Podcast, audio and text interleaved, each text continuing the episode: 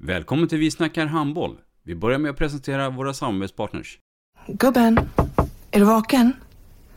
Jag, jag tror att det är idag vi får veta. Jag kom in! Mamma, jag kom in! Mamma, jag kom in! Jag kom in! Ah! Vi finns där du är när livet förändras. För alltid välkommen till Länsförsäkringar. Nej men, ska du ha t-shirt på dig? Du, det är ingen vanlig t-shirt. Det är en nya bollar till klubben t-shirt. Och så matchar den grillkryddorna vi ska använda. Hur då? Men det är ju alla ska med på klassresan grillkryddor. Stötta barn och unga. Shoppa på newbodyfamily.com.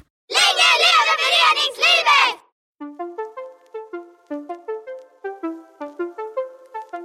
Välkommen säger vi till dig som lyssnar till den nya handbollspodden Vi snackar handboll med Robban Z och Dagge. Vi snackar handboll, där du får veta alla sanningar som du inte visste att du missat.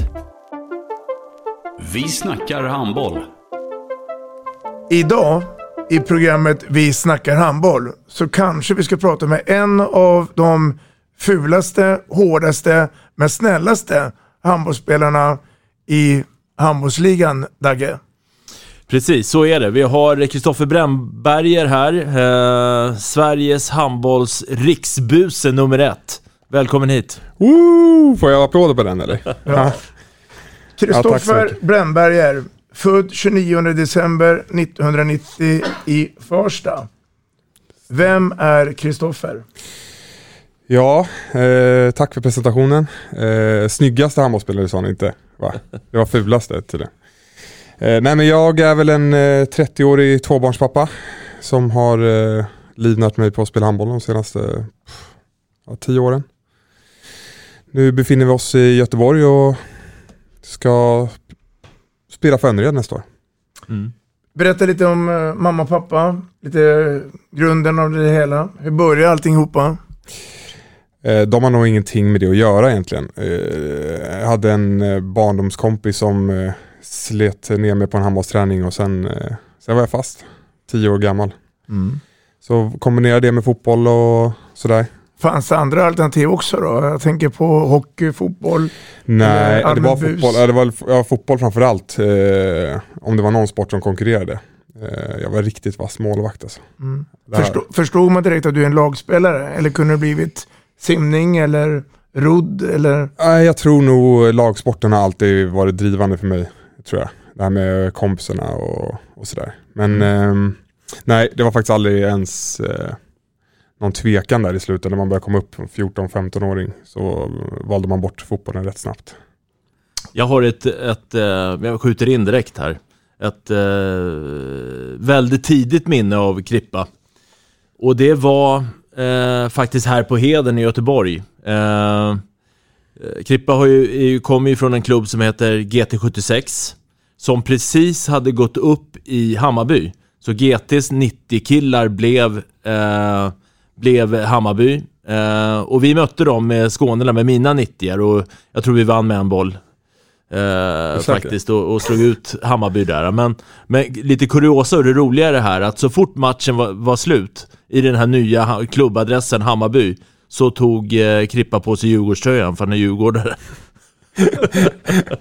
Ja, alltså jag spelade faktiskt med Djurgårdströjan under Hammarby tror jag. Det var till och med så pass. Ja. Nej, det var viktigt då. ja. Inte Du, eh, studierna då? Det blev grundskola i tänkte, Vilka studier? Ja, eller? Ber, berätta lite grann då, för att det är intressant att få höra lite grann från, från början. Berätta om handbollsgymnasiet med Staffan Olsson. Ja, exakt. Eh, nej, men eh, det var faktiskt eh, de... Ja, grundskolan eh, gick det... Ja, var det väl två olika skolor som jag gick i. E- ena så fick de splittra upp ett, oss som var några grabbar som inte skulle få gå kvar. Eh, så då hamnade jag i Hökaringen, någon här idrottsklass. Eh, och sen när det var dags för gymnasiet så hade Farsta någon ny satsning, Farsta gymnasium med Staffan Olsson då. Eh, där de tyckte att man skulle gå upp och springa milen klockan åtta på morgonen och eh, fixa skolan därefter. Vilket jag inte var så sugen på. så det blev bara ett år där. Sen bar, bar det av till eh, Lesradska och Uffe Nyström. Så att rätt mycket kompetens ändå i gymnasiet med de, med de lektionerna som jag var på. Men eh, det var inte så många. Men hade du då någon inriktning? Jag skulle kunna tänka mig att jobba med det här när jag blir äldre, alltså, som inte har med handboll att göra. Alltså, Absolut, yrkesmässigt. absolut inte. Absolut inte. Det var väl mer eh, fördriva dagarna i skolan. Mm. Det var, jag var väl inte mogen nog att tänka långsiktigt på det sättet. Nej. Men jag visste att handbollen var kul, så även fast jag fördrev tiden utanför på sätt som kanske inte gynnade handbollen speciellt mycket så skulle jag väl ändå eh, säga att jag alltid varit målmedveten om att jag vill fortsätta spela handboll. Mm. Liksom. Och, och, och sommarjobb och sånt där, vad fanns det? Jag, jag hade ju en plan och eh, eller jag hoppade faktiskt av gymnasiet ett halvår och tog ett jobb för att få in lite pengar. Jag jobbade på posten. Mm. Eh, Då måste du jobbat eftermiddagspassen va? Eh, det var det som var grejen. Jag jobbade morgonpassen men, eh, men efter tre månader så kallade chefen in mig och frågade om det var verkligen där jag såg min framtid. För att jag hade varit lika mycket sjuk som en eh, vanlig anställd hade varit på ett år inom de första två veckorna. Så att, det blev en kortvarig session på posten. Men Ja. eh, en erfarenhet rikare. Ja. Du, ehm, Dagge var inne på GT76. Jag är också inne på BK Söder. För det är väl det, det som är din moderklubb. Ja precis. Jag, Berätta lite om den tiden.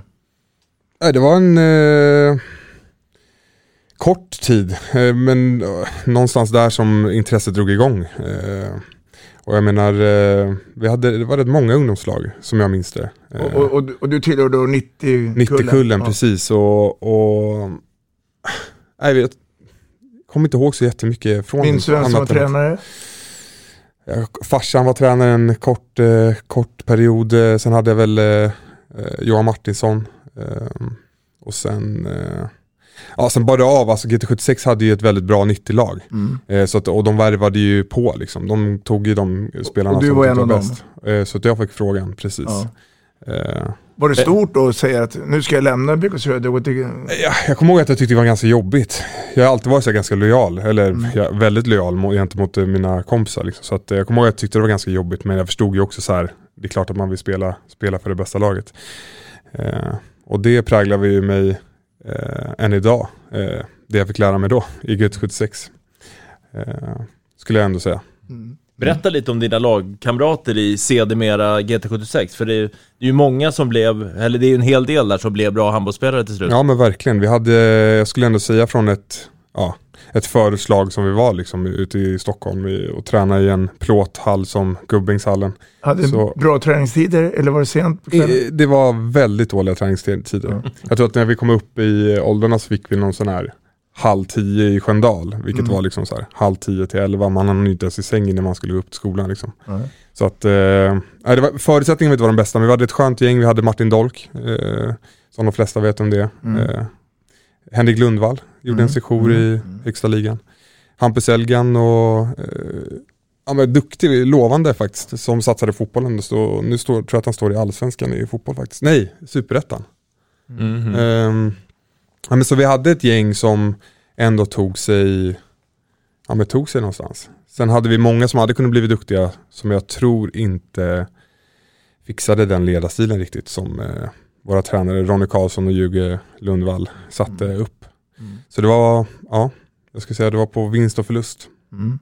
Var, var det naturligt då att du skulle vara linjespelare under den tiden? Nej absolut inte. Jag spelade ju nio meter tills jag var 16 och, och jag kom upp i A-laget i Skåne och Stocken kollade på när jag sköt några skott. Och så sa han, med det där skottet kommer du aldrig komma någonstans. Så Ja. det är bara att hoppa ner på linjen. Vad tänkte du då? Vad är det för jäkla... Nej, men jag kommer ihåg att jag någonstans kollade på Jesper Östlund då som, eh, som jag skulle konkurrera med. Han sköt ju som en häst liksom. Han hade ju bott på det där gymmet sedan han var 12 liksom. Så att det var något helt annat. Så att eh, jag kommer ihåg att jag var ganska så här, ja men okej då kör vi. Liksom. Så att eh, det var många, liksom mycket stå och kasta boll och lära sig fånga boll. Och Stå och nöta och nöta. Mm. nöta precis. Och, Det här var ju då 2006 i GT då. Sen tror jag att du försvann in mot stan och Hammarby. Precis. Ja, det var inget, eh, eh, ja, som Dagge var inne på innan, det var inget val jag eh, gjorde själv utan eh, ja, vi fick bättre, vi skulle få, blev lovade bättre förutsättningar, bättre ja, med träningstider och allt. Och, och Ronny Karlsson då som gammal målvakt i, i eh, Hammarby eh, nappade ju på det. Men eh, det skulle jag faktiskt inte säga att det blev speciellt mycket bättre. Utan eh, det var, de lovade mycket och vi fick väldigt lite helt enkelt. Mm. Och ändå är, är alltså Hammarby då, om man nu som en tonåring då känner wow, jag ska spela i den stora klubben. Eh, men var det många som lämnade den här resan? För du fortsätter ju sen efter Hammarby. Var det många under den här tiden som lämnade och tackade för sig? Nej, jag tror nog att alla ändå gav det, ett, liksom, gav det en chans. Liksom. Så att alla hakade på, alla körde på tror jag i alla fall. Ett, ett, ett, ja, två, tre år i alla fall. Eh, och gav det chansen. Liksom. Och sen var det ju också, som, som jag nämnde nu, så här, Henrik Lundvall och Dolk, de fick ju chansen i A-laget. Så det var ju skitkul för dem. Liksom. Eh, så att, nej, men det blev bara inte bra. Liksom. De hade ingen eh, klar eh, organisation för att hantera juniorer i Hammarby eh, på den tiden. Så att eh, då fick man söka sig vidare. Och det gjorde du. Det gjorde jag. Och då hamnade du ute i Uppland och Märsta. Handplockad av Dag Lundin. Ja. Berätta här då Dagge, hur, hur, Ja, hur eh, tänkte du? Så här var det. Vi, vi, eh, eh, vi hade ju ett jättebra 90-lag eh, faktiskt i, i Skånela. Eh, men vi hade ingen riktigt bra mittsexa. Och jag visste ju att Kristoffer spelade i Hammarby och gick där på högernio har jag för mig. För Henke hade ju vänsternio-platsen och, och, och sådär. Så att, och tyckte att han, liksom en sån stor talang, fick väldigt mycket, lite uträttat egentligen på högernio. Så att jag tog kontakt med, med eh, Krippa och hans föräldrar, så vi träffades faktiskt på ett café utanför Eriksdalshallen när du var 16 år. Eh, där eh, dina föräldrar var med och jag sålde in det här budskapet att eh, ska du inte prova ut i Märsta eh, och skola om dig till mittsexa. Eh, och på den vägen är det ju faktiskt. Att eh, han, han anslöt till våra 90-grabbar som i princip hade en komplett första uppställning egentligen. Kanske lite tunt på målvaktssidan sådär. Men, men, men eh, är det riktigt, riktigt bra kull. En av de bästa kullarna genom tiderna faktiskt, i, känner jag. Och, och när du träffade Dagge första gången, hade du koll då på det laget i Skåne? Att de är rätt bra de här? Ja, men jag tror faktiskt det, alltså, så här var, vi var ju rätt överlägsna i Stockholm. Eh, Det var ju egentligen bara två lag i Stockholm som var med och konkurrerade i vår åldersgrupp. Och, eh, sen över en sommar liksom, så tror jag att vi normalt sett brukar slå Skånela med 10-14 bollar till att de liksom Ja men började knappa in sakta men säkert och till slut eh, som Dagge berättade, tror jag sista matchen som jag mötte Skånela så vann de med en boll här i, här i Göteborg. Så att, eh, det, hände, det hände mycket där och det kändes som att de hade något på gång och såklart när man får höra någon som tror på en så hårt som eh, Dagge gjorde då så vart man ju, eh, ja men det blev ett lyft såklart. Och- Hur gick det då? Det, alltså, så här i efterhand, du hade ju en jäkla bit att åka egentligen. Det är långt att åka ut pendeltåget till Märsta. Eh, känner du att du fixade det? Alltså, jag kände väl framförallt att i stadiet jag var i mitt liv just då så var det väl bra att jag blev så ja, men, eh, sysselsatt som möjligt med, med annat än att hitta på dumheter. Så att jag menar, eh, det var nog jättebra för mig att ha den där långa resvägen och något att fokusera på. Och sen eh, kanske jag följer ramarna i alla fall ibland. Men eh, jag tror att jag, det var inte många träningar jag missade där ute i Märsta. Sportsligt då? Nådde ni några framgångar under den här tiden som Kristoffer var i Skåne? Eller? Ja, men vi, ha- vi hade ett, ett jättebra lag. Vi, jag minns ett år, vi åkte ner till Lundaspelen, 89-90-klassen. Och Lundaspelen på den tiden var ju högklassig juniorklass. Eh, och vi tog oss hela vägen fram till final mot Fredrikshamn, tror jag att det var. Eh, och eh, förlorade med någon boll och sådär. Så att, så att, och vi var snubblande nära att gå till finalspelet i ISM, eh, ett år yngre. Åkte ut med någon boll nere i Trelleborg, har för mig. Så att, så att, nej men det, det, Och en tredjeplats va, tror jag. ja precis. Så att, nej men det, det var en, en bra kull och även om vi inte vann några guldmedaljer. Nej. När du hör Dagge berätta eh, den här eh, historien, känns det som att det var igår? Eller känns det som att det var satans länge sedan? Nej, men det känns, eh, många fina minnen. Det är alltså, eh, nu har ju Sävehof blivit så förankrat i någon form av modersklubbkänsla eftersom jag precis kom därifrån och varit där i tre år. Men är det någon hall som jag känner mig hemma i så är det ju Vikinghallen. Så är det, ju. Eh, det är väldigt svårt att ha den, eh, om man kommer från Stockholm och har den här modersklubbkänslan. För det är ofta att du behöver gå tre, fyra steg innan, innan du kommer någonstans som faktiskt eh, kan ta dig någonstans. Om du inte startar i Hammarby då.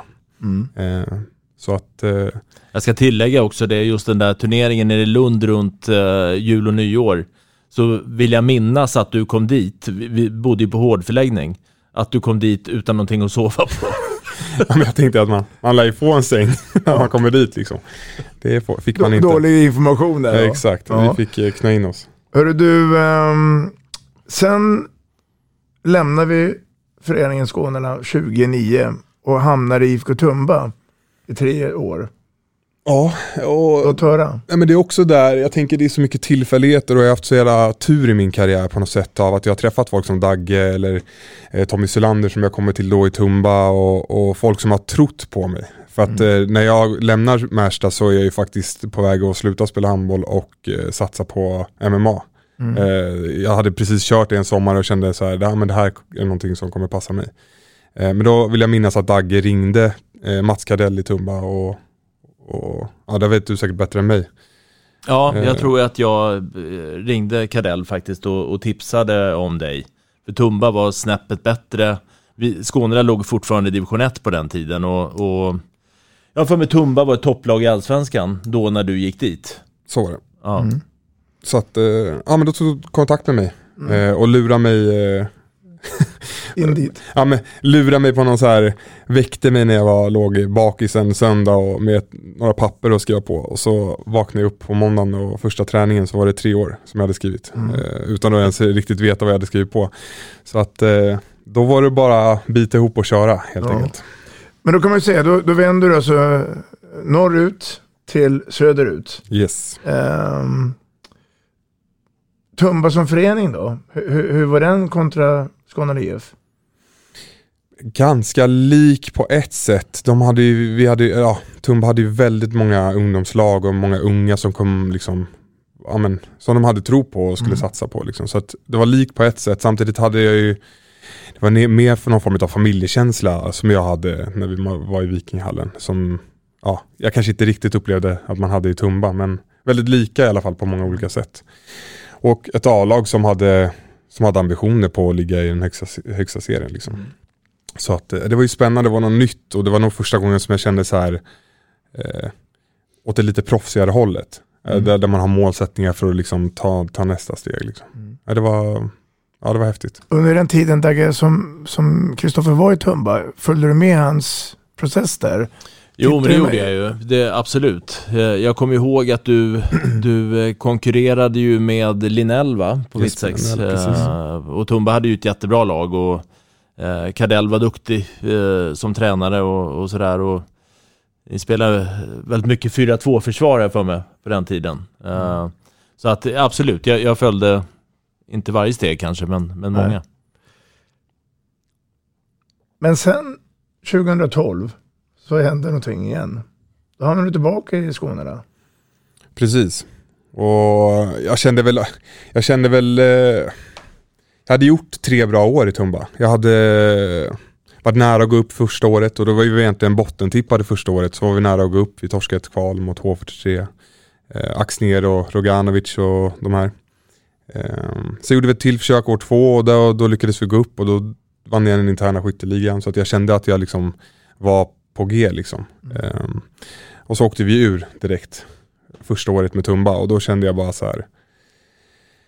Jag fixar inte att gå igenom de där två allsvenska. Jag kände, jag kände mig själv, jag tyckte jag var för bra för att spela där. Liksom. Eh, och då, precis då så gick ju Skåne upp till eh, högsta. Eh, och då kändes det bara så naturligt egentligen att gå tillbaka och få egentligen spela med alla grabbar som jag hade spelat med i 90-laget. För de, största, alltså, de flesta var ju Flesta var kvar. de flesta var kvar och de flesta höll den typen av- nivå som var, som var bra nog för, eh, för elitserien. Mm. Så det var faktiskt inte så svårt val så att säga.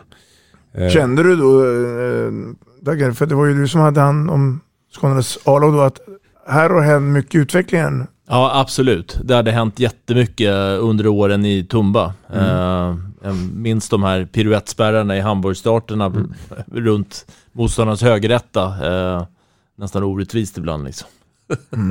men men eh, visst, det, det hade skett en jätteutveckling och vi hade ju Eh, Skånela hade ju vunnit allsvenskan då som nykomlingar i, i allsvenskan och liksom mot alla odds egentligen.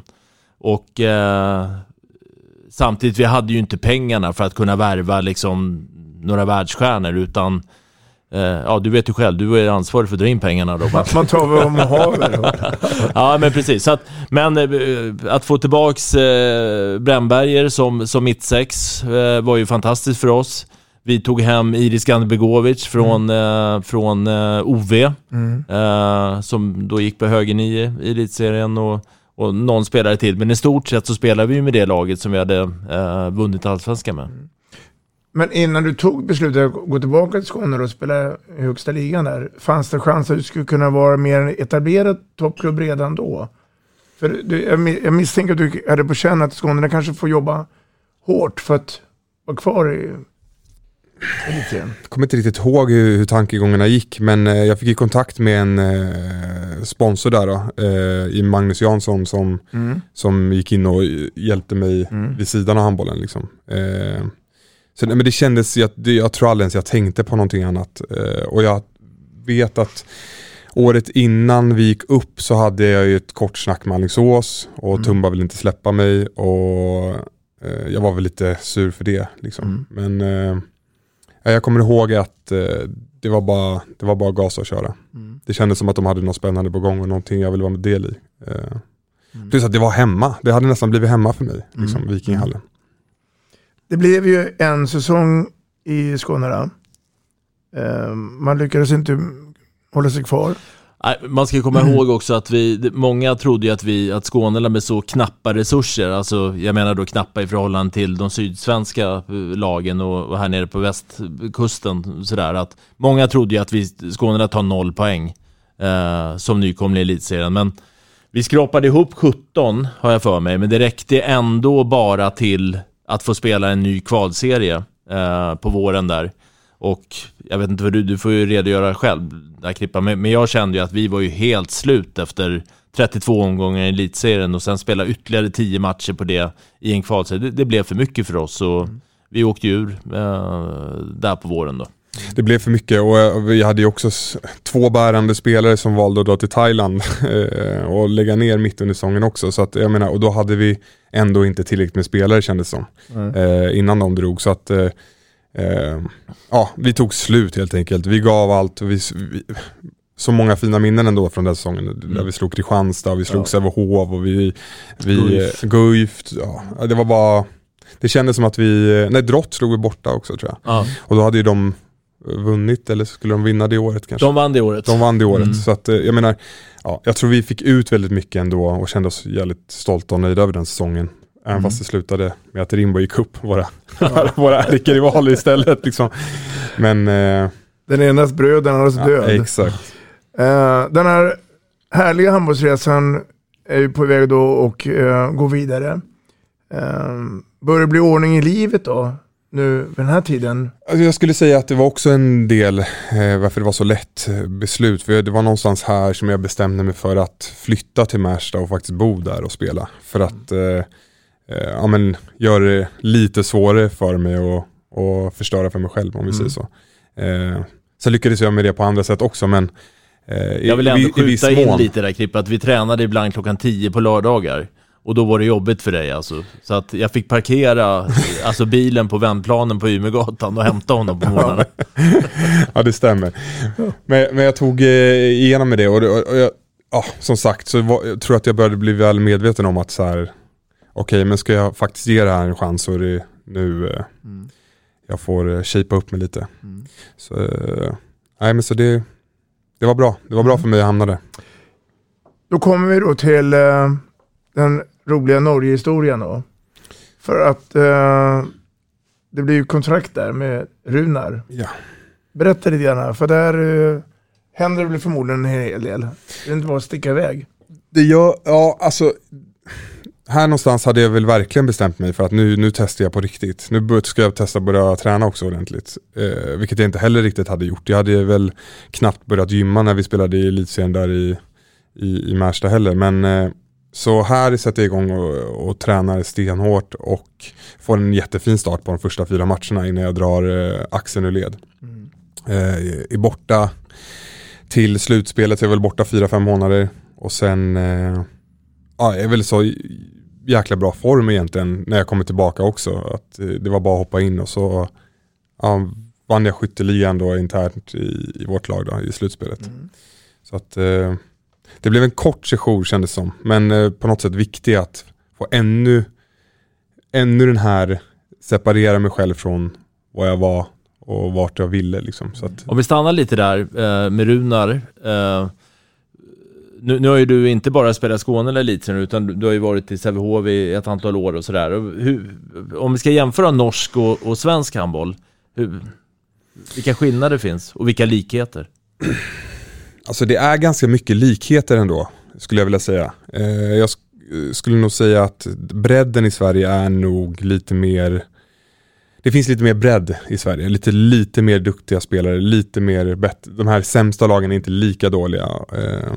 Men samtidigt en bra liga och, och där, där det inte känns som att man har, som vi hade, tryckt in ett poolspel bara för att kötta in matcher. Utan där har du dubbelmöten och sen en kupp som är sjukt rolig att spela. Och, det var väldigt, två väldigt roliga år att spela handboll. Ja, det var väldigt kul att spela handboll i Norge. Det var, det var på, på något sätt lika seriöst men mindre seriöst. Eh, det var mer kul om vi förstår. Jag upplever att i Sverige det, då ska det liksom vara, det ska nästan vara tråkigt ibland. Eh, vilket jag inte förstår poängen av riktigt. Här var det lite annorlunda. Här var det liksom, vi hade kul samtidigt, så vi hade kul när vi tränade, vi hade kul när vi spelade match. Eh, visst, eh, vissa var fler, eh, argare än andra när man förlorade. Jag var väl en av de som var lite argare då. Men eh, mer, jag upplevde det mer som roligt än, än måste. Det, I Sverige kändes det som det var, du måste träna och du måste göra det. Och, och Publikintresset? Ganska dåligt. Eh, lite bättre, eller jag ska säga ganska mycket bättre i Sverige. Det Bra stålar? Mycket bättre pengar. Ja. Mycket bättre pengar. Vilket också är motsägelsefullt på något sätt eftersom publiken inte var eh, men där fick jag förutsättningarna att vara heltidsproffs liksom. Och det var, det var häftigt första gången. Vad, vad, vad det, alltså skillnaden mellan Runar och Hasslum där då, i, i deras organisation? Kunde man se det direkt eller? Det var inte jättestor skillnad. Det handlade väl mer om att Haslum precis hade vunnit och skulle få spela ett Champions League-kval. Mm. Eh, jag såg eh, ett bättre lag. Så att eh, det var, jag, hann jag tänkte inte på det heller. Mm. Eh, fast som sportchefen ringde och skällde ut mig den timmen jag hade precis hade skrivit på för Haslum. Så, så var det inte svårt. Liksom. Jag ville vidare i min handboll och jag ville se hur långt jag kunde nå på Mm. mina promisser. Eh, sen var, eh, ja, kollar jag tillbaka på det så var det ju helt rätt. Där fick Mm. jag verkligen ett lyft och, och, och på något sätt ett internationellt genombrott eh, och visa upp mig i, i, i Europa League. Mm. Eh, vilket eh, gick jättebra. Under den här tiden då så, så vet jag att du har ju haft och har eh, agent. Eh, men eh, du lämnar då Hasslum för att sen ta dig vidare till Schweiz Precis. Eh, med kadetten. med kadetten Schaffhausen. Mm. Ehm, Där är du tre år. yes. Här får vi lite stabilitet. Här får vi stabilitet för första gången egentligen Ja, i min handbollskarriär. Nej men vi gör ett fantastiskt, vi, kommer dit och allt är nytt och allt är fantastiskt. Det är otroligt land att bo i, eh, ja, mycket pengar och, och liksom något helt annat. Här, här ska vi gå för att kom, gå, ta oss vidare till topp 16 i Champions League. Det är det som är målet. Så återigen så få pusha upp de här målsättningarna var ju någonting som jag brann för väldigt mycket. Och första året eh, vann vi egentligen allt. Vi vann allt i, i, i den inhemska ligan. Supercup, cup och, och slutspelet. Eh, misslyckades ja, på målskillnad tror jag det var, eller om det var en poäng och gå vidare då, från Champions League-gruppen. Vilket vi såg som ett misslyckande. Eh, år två så började det gå ut för.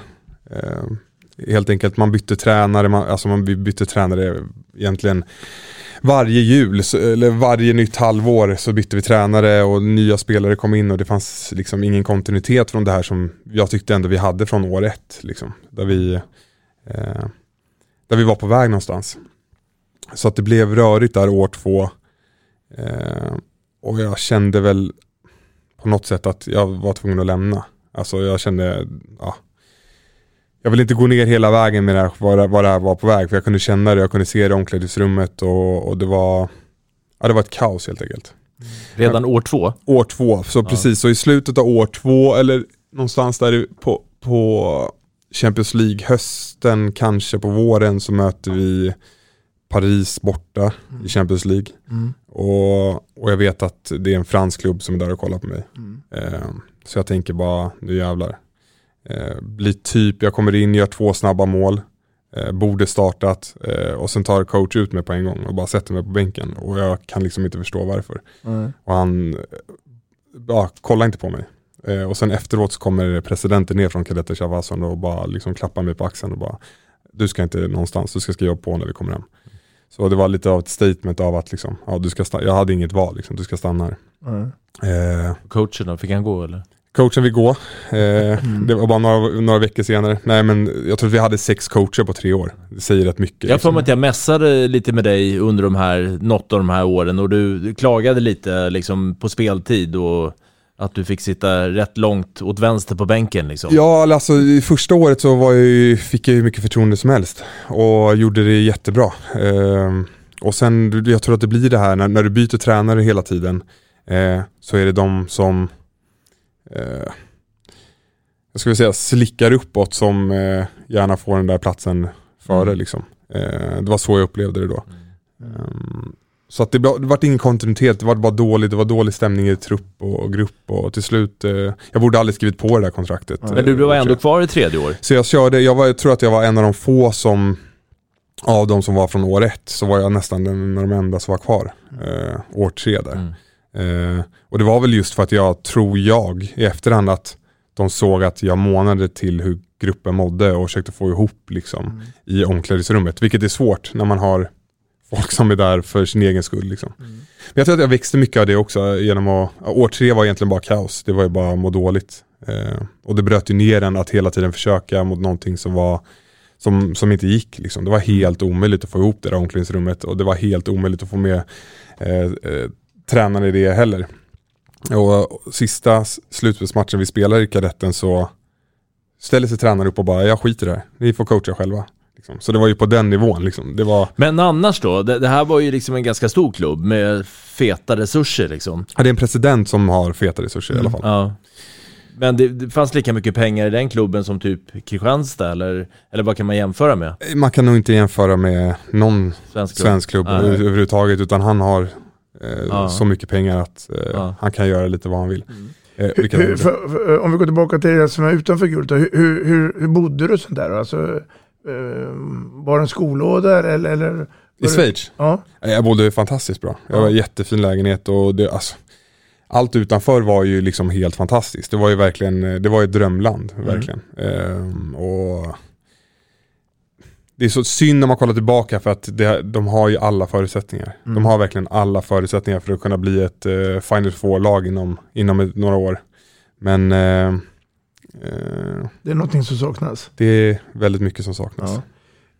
Om, om vi pausar lite grann där och så vänder jag mig till, till dig Dagge. När jag hör Kristoffer och vi har pratat om många andra gäster här så ser jag framför mig också att skulle det kunna vara så att Kristoffer får höra en röst att nej Kristoffer, det är bättre att du satsar på en tränarkarriär istället.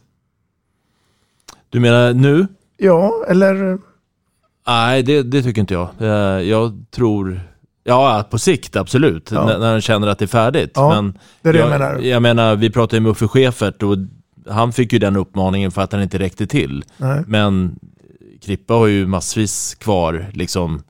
Eh, och kan bli ännu bättre liksom. Så att det, det, det, det är nog några år bort tror jag. Mm. Kan du tänka dig på sikt att bli tränare? Ja, jag tror inte det. Jag tror Nej. inte det. Idag så ser jag inte det framför mig. Idag... Du men- går till att bli pappa, du är ledare för barnen. Vad är det som säger att du inte kan bli ledare på handbollsplan? Men det, det handlar nog inte om vad jag tror att jag kan eller inte kan. För jag tror, jag tror att jag hade blivit jätteduktig tränare. Jag, Mm. jag tror det. Eh, men jag tror, eh, jag vet inte om jag har intresset för det. Mm. eh, ordentligt. Som, nu har jag ändå haft väldigt många bra tränare. Eh, och se, det jag tycker de bästa tränarna har haft är det här eh, outtröttliga intresset och engagemanget för liksom, sporten. Och jag vet inte riktigt om eh, jag har det Mm. på det sättet. Eh, Jag tycker det är fruktansvärt kul att spela också. Jag ser ju mig själv som en spelare och, och som, som, som Dagge sa så är jag långt ifrån klar. Eh, är det någonting som jag har tagit seriöst på sista året så är det den här fysiska biten. Eh, och förstått hur viktig den är om jag vill bestämma själv när jag vill eh, avsluta den här karriären. Men eh, jag har en del kvar att uträtta. På, på tal om det då, om vi stannar till lite där i sista året i Schweiz och, och stannar vid det rent fysiska liksom. Du har ju haft lite problem med axlar och, eh, och ja, skador rent Mm. allmänt liksom. Eh, hur mår du nu? Nej men jag skulle nog säga det att axeln har ju spökat sen eh, jag drog den ur led egentligen. Eh, och sen har det varit den andra axeln och det vart ju inte bara en kortisonspruta i Schweiz utan jag gick ju på de där sprutorna eh, mest under hela våren för att liksom kunna få fram bollen överhuvudtaget i mål. Så att det var ju det var inte så bra. Eh, Det led jag av första året eh, och andra året i Sävehof tills vi fick eh, den nya fystränaren, Rickard. Eh, som fick ett helt nytt träningsupplägg och ett nytt styrkeprogram och, och som har gjort min kropp fantastiskt gott. Så att eh, inte en skavank. Jag Mm. känner mig som eh, 20? Ja men nästan, 22. Ja. Jag tänkte vi skulle prata lite grann om Sävehof-tiden. Men jag skulle vilja backa igen till den här gången när du Dagge eh, såg Kristoffer i eh, GT och Hammarby. För nu pratar vi pojkåldern. Eh, Stockholms stadslag. Mm. Den resan, hur var den? Nej men jag var med eh, till och med ett år äldre eh, på nio meter. Eh, sen som, precis som Dagge säger eh, så det vart nog mycket högernio. Jag tror att det var för att jag inte hade det där skottet riktigt. Jag hade det mesta andra kände jag i alla- ändå. Jag, var, jag kunde vara farlig, jag var bra bakåt och, och så vidare. Men du var med och spelade. Ja gud ja. Eh, och du var även med eh, född eh, för årgång 90 också. Ja. Ja. ja. Och hur, hur var det sen? Kom du med på de här rikslägren? Jag tror att jag var med på ett, ett riksläger. Och det är hit jag vill komma. Ja, Efter riksläger så är det ju blågult. Landslagsspel. precis. Vad, vad hamnar vi här?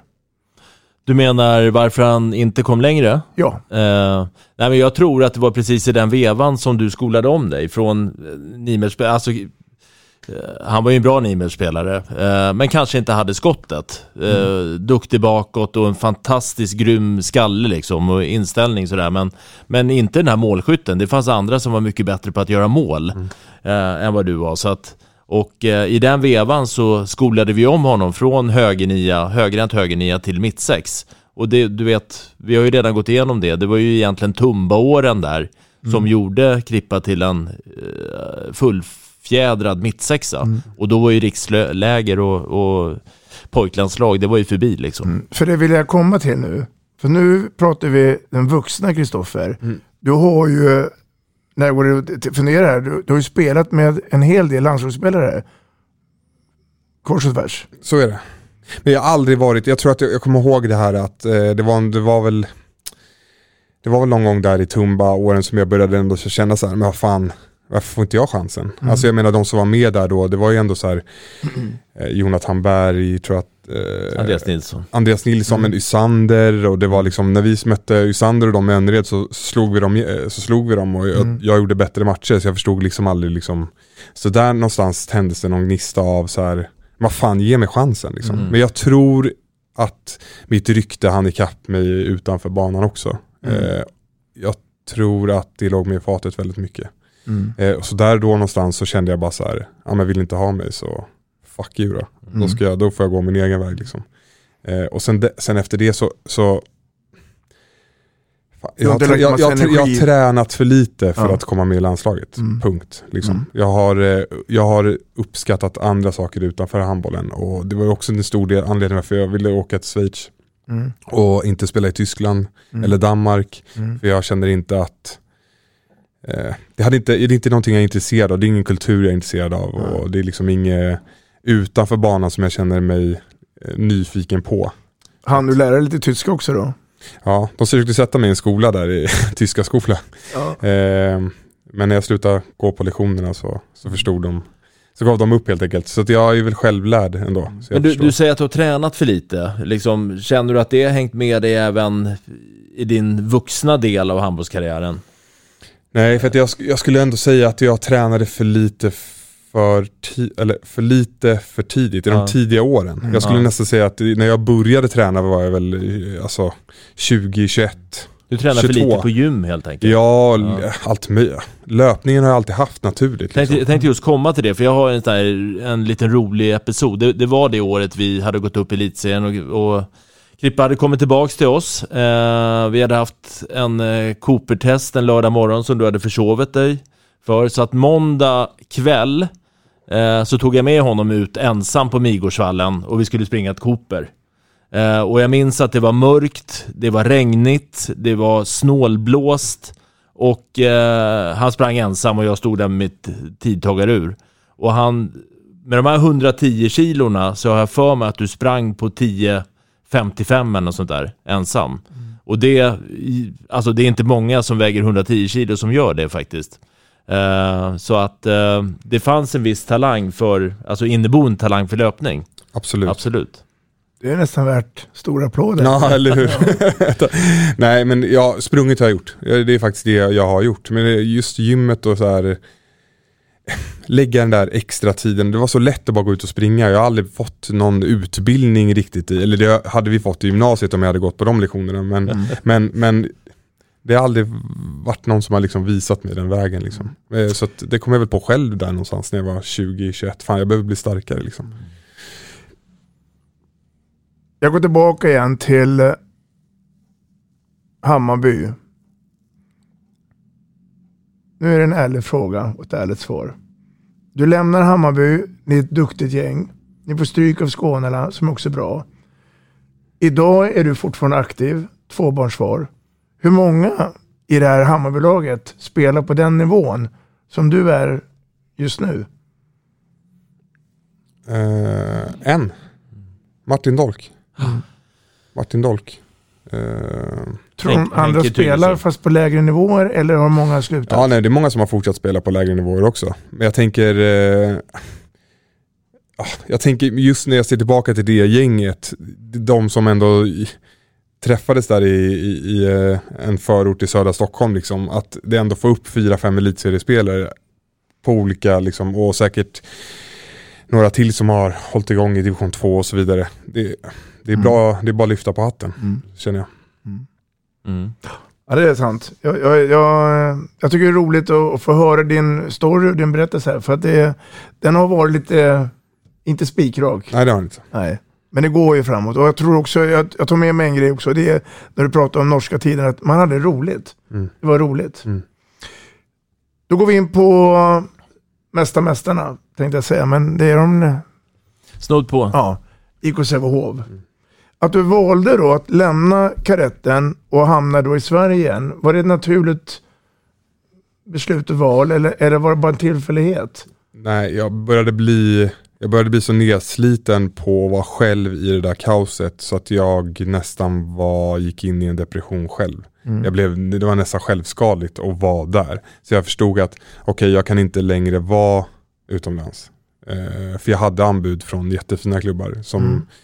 eh, jag hade kunnat fortsätta vara proffs ett tag till. Mm. Men jag förstod för min egen hälsa, nu när jag började komma upp i åren så Mm. visste jag vad som var bra och dåligt för mig själv. Liksom. Mm. Så ja, det var bara hem som gällde för att mitt välmående skulle kunna behållas. Liksom. Mm. Ehm, så att då stod det egentligen mellan Hammarby och Sävehof. Uh, flytta hem till Stockholm och uh, ja, satsa på någonting utanför och ha Hammarby då som inte hade den bästa ekonomin. Postrycket. Hammarby, Ja. eh, kontaktade de dig? Vi var så snudd som uh, klara. Okej. Mm. Men Stocken stocken, då, men stocken ringde och ville annat. Och, och ja, när stocken ringer så brukar det ofta sluta med en sak. Det är att vi eh, paras ihop igen. Liksom. Mm. Så att, eh, För nu kommer vi in på det. Eh, och nu får ni ha era känslor ifrån varandra också lite grann. För att nu skulle jag också vilja, för att nu går du in i en ny karriär i det hela. Och Andreas Stockenberg eh, har vi pratat många gånger under eh, podden här och eh, är ju en drivande tränare. Alla de här tränarna du har haft under åren här nu har ju förmodligen hjälpt dig på olika sätt. Mm. Men Andreas kanske har varit något speciellt mot dig och för dig. både ja och nej skulle jag vilja säga. För att jag känner väl att när vi träffades för första gången så var vi båda väldigt, eh, vi mådde inte bra någon utav oss. Eh, helt enkelt. Vi, vi, vi lärde vi känna varandra genom mörkret egentligen, alltså vi har mörka sidor och, och vi byggde någon form av eh, relation till varandra där som var helt odömande och som var helt, eh, det var okej okay, helt enkelt att vara precis som man var. Mm. Och där byggdes något speciellt mellan oss skulle jag väl ändå säga. Eh, sen om det har, han har hjälpt mig eh, handbollsmässigt så mycket på det sättet vet jag inte.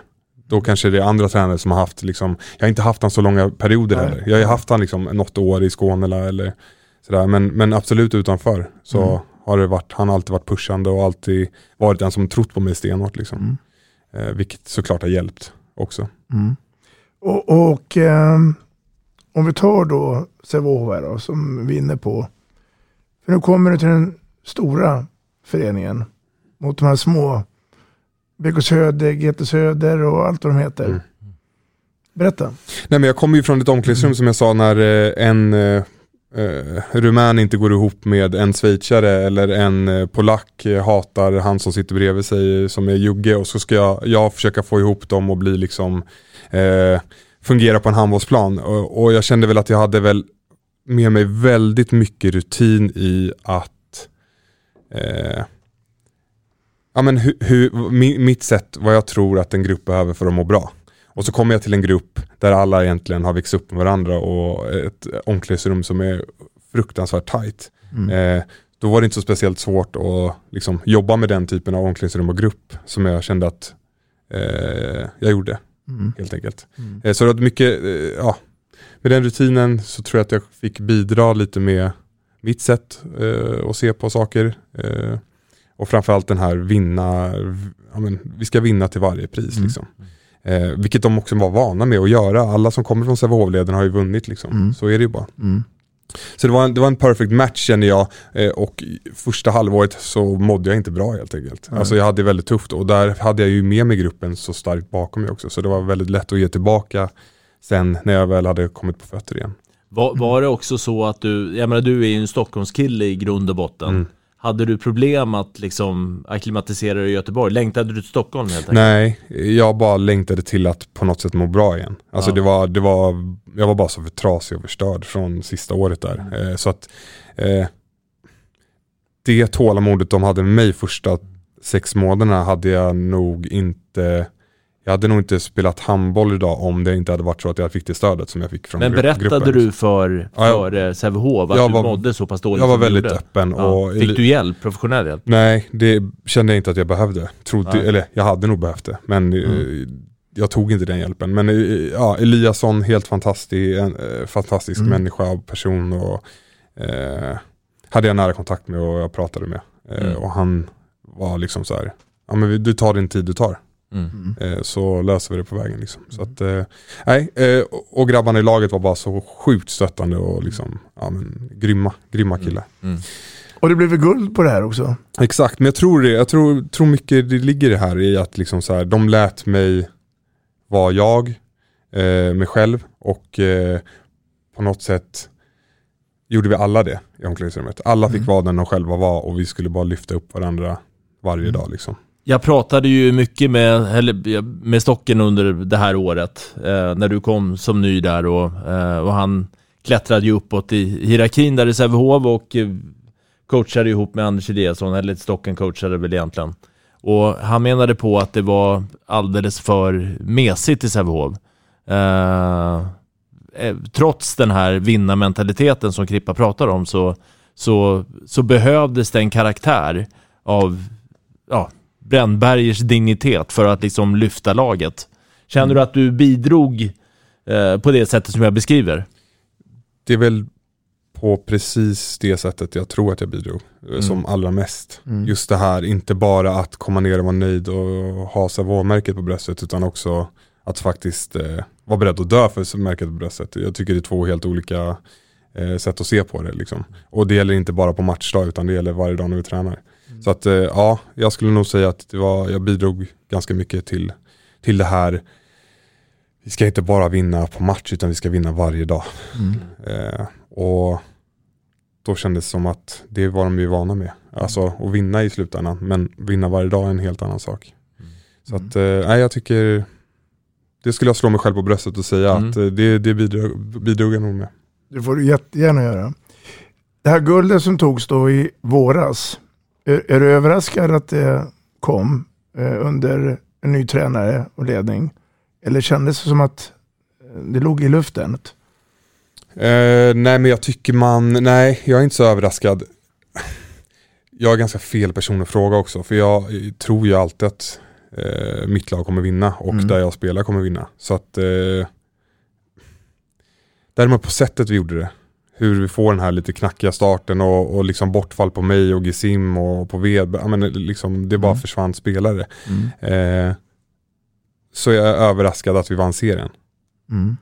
Eh, var, alltså det, är- det är helt otroligt egentligen. Och du själv har haft en jävligt jobbig säsong med dubbla corona. Ja, eh, dubbla corona och en eh, för tidigt född son i eh, eh, tre månader för tidigt, eh, mitt i ett slutspel. Så att jag menar, den här säsongen har ju varit kaos för mig. eh, eh, personligen. Eh, så att eh, få ta igenom sig den med, med, med ett guld har, ju- var ju bara, det var ju bara för mycket egentligen. Och se den här glädjen via tv-bilderna på dig. Ja, det var, Den släpper inte jag fall från min näthinna. Ja, Det var, det var så förlösande att liksom få, få åka från sjukhuset och byta om och sen liksom lova grabben där och bara nu ska pappa åka vinna guld igen. Liksom. Och sen få göra det. Det var, det var jävligt speciellt var det. Jag började ju presentera dig som eh, Sveriges riksbuse nummer ett. Eh, och du är ju jävligt ofta utvisad. Eh, du, har, du har ö- definitivt ögonen på dig från domarna. Eh, känner du att du blir eh, orättvist behandlad? Alltså jag tycker ju att det är en fel bild för att alltså, mest utvisad är jag inte längre. Alltså om, om när man ser till 2019 där, där eh, jag anammade ett typ av spel som då var tillåtet om man säger, ser till, sett till avstängningar, det gick inte att bli avstängd. Eh, vilket eh, eh, ledde till att jag förstod att man kunde utnyttja, om inte jag kan bli avstängd i efterhand, ja men då kan man ju komma undan med saker på handbollsplan. Och, och ser man till den säsongen så så blev jag inte mest, jag fick inte mest utvisningar eller mest röda kort. Jag gjorde det ju så att inte domaren kunde se. Eh, för att kunna vinna i slutändan. Eh, vilket jag sen menar, och sen gick inte det att göra längre. De tog ju bort för införde med avstängningar och sen dess har vi inte, det här året har vi inte sett någonting av det. Liksom. Och det tycker jag man kan se en kvartsfinal mellan Malmö och Kristianstad där de slår på varandra hej vilt och det är helt plötsligt, de tror, alltså, de är två år för sena. Det där kunde du göra för två år sedan. Jag menar att jag, eh, det är ju uttänkt. Det är inte så att jag bara slår någon på käften och tänker, ja men det här är säkert, det är inte så det fungerar utan Mm. det, var, det är en strategi av att så här kan man vinna också. Mm. Eh, vilket jag menar bara, jag står för det, allt för att vinna. Liksom. Det blev två SM-guld i Sävehof på de här, dina tre år där. Eh, och du fick dem med, med, med Stocken och eh, Micke Appelgren. Eh, finns det likheter mellan de två? Eh, inga alls. Nej. absolut. Förutom att båda är bra på att vinna. Ja men absolut, nej men det är väl den enda likheten att båda vill vinna till varje pris. För det upplever jag väl att eh, eh, Apelgren också vill. Eh, Mm. Fan alltså, det är nästan om man inte vill mer. Nej, det går inte vin- vilja vinna mer än Stocken. Men alltså det är snudd. Mm. Där är de väldigt lika. Men Mm. annars eh, så inte, inte alls. Hur ser, hur ser morgondagen ut här då? Eh, framtiden? Morgondagen efter det här så åker jag tillbaka till sjukhuset. Hoppas få ta hem eh, sonen snart. Eh, därifrån. Så att eh, det blir väl ett kvällslöp och eh, sådär. Varva ner. Tänker på en annan sak här innan vi avslutar Sävehof-sessionen för din del där. Eh, hur bra kommer han Elias Skippagut, heter han Skippagut? Mm. Hur, hur bra kommer han bli tror du? Han kan bli hur bra han vill. Precis så bra han vill. Jag, Blir, blir det en världsstjärna? jag har aldrig sett något liknande på en handbollsplan till det han presenterar dag ut och dag in. Det är det värsta jag har sett. Och då menar jag Gabor Chassar är ju ändå en rätt bra spelare om man ser tillbaka i liksom Mm. genom tiderna. Alltså det, han har inte ens, han har inte gjort i närheten av de sakerna som Eliasson, eller Eliasson, Elias gör på träningarna. Det är, det är, he, det är, något, det är något helt annat. Han kan bli precis hur bra som helst. Ja, häftigt.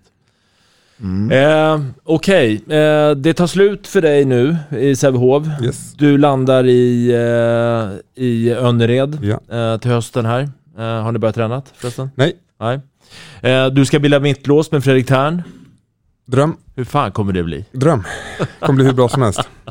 Ja, det kommer bli hur bra som helst. Jag kan inte, jag känner lite det här jag drivs ju av att inte göra samma sak. Nu har vi känns som när jag, när jag gjort, det är perfekt tidpunkt för, mig att lämna Sävehof nu när man har gjort allt känns som. Vi har spelat utomlands Champions League, vi har fått vinna två guld och få börja i en förening och i ett lag där ambitionerna är att nå dit där vi har varit nu med Sävehof eh, driver mig jävligt Men är mycket. du ärlig nu? Handen på hjärtat, hade du inte velat stanna i Sävehof? Då hade jag stannat så. Ja, Mm. okej. Då hade jag stannat så. Ja. Men, men du har ett Jag driv i alla fall. Ett driv. Ja, att vilja... Eh, så fort jag tappar drivet så kommer jag sluta. Ja. Och jag känner det, det är väl nu, det är också det, därför jag tycker det här blir så spännande. För Önnered är på väg upp, Önnered har eh, musklerna, Önnered är redo.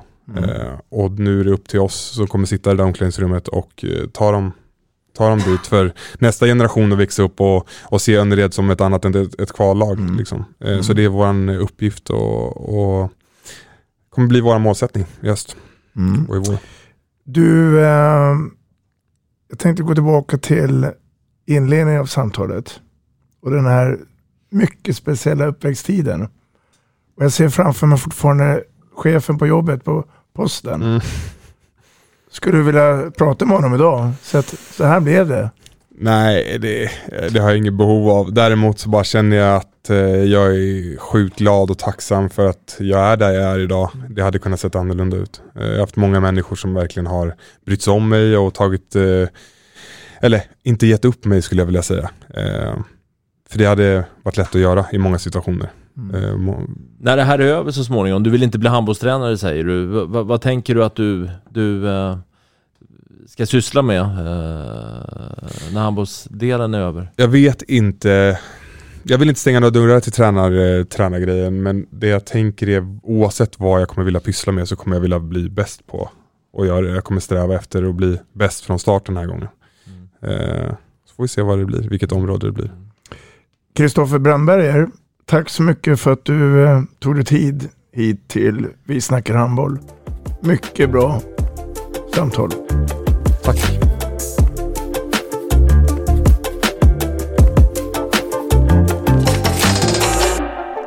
Vi snackar handboll, där du får veta alla sanningar som du inte visste att du missat. Vi snackar handboll.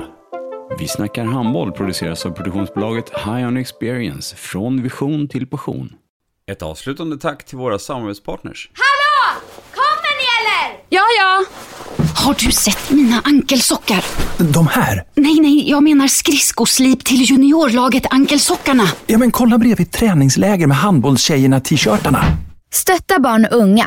Shoppa på newbodyfamily.com. Länge leve föreningslivet! Gubben, är du vaken? Jag, jag tror att det är idag vi får veta. Jag kom in! Mamma, jag kom in! Jag kom in! Ah! Vi finns där du är när livet förändras. För alltid välkommen till Länsförsäkringar.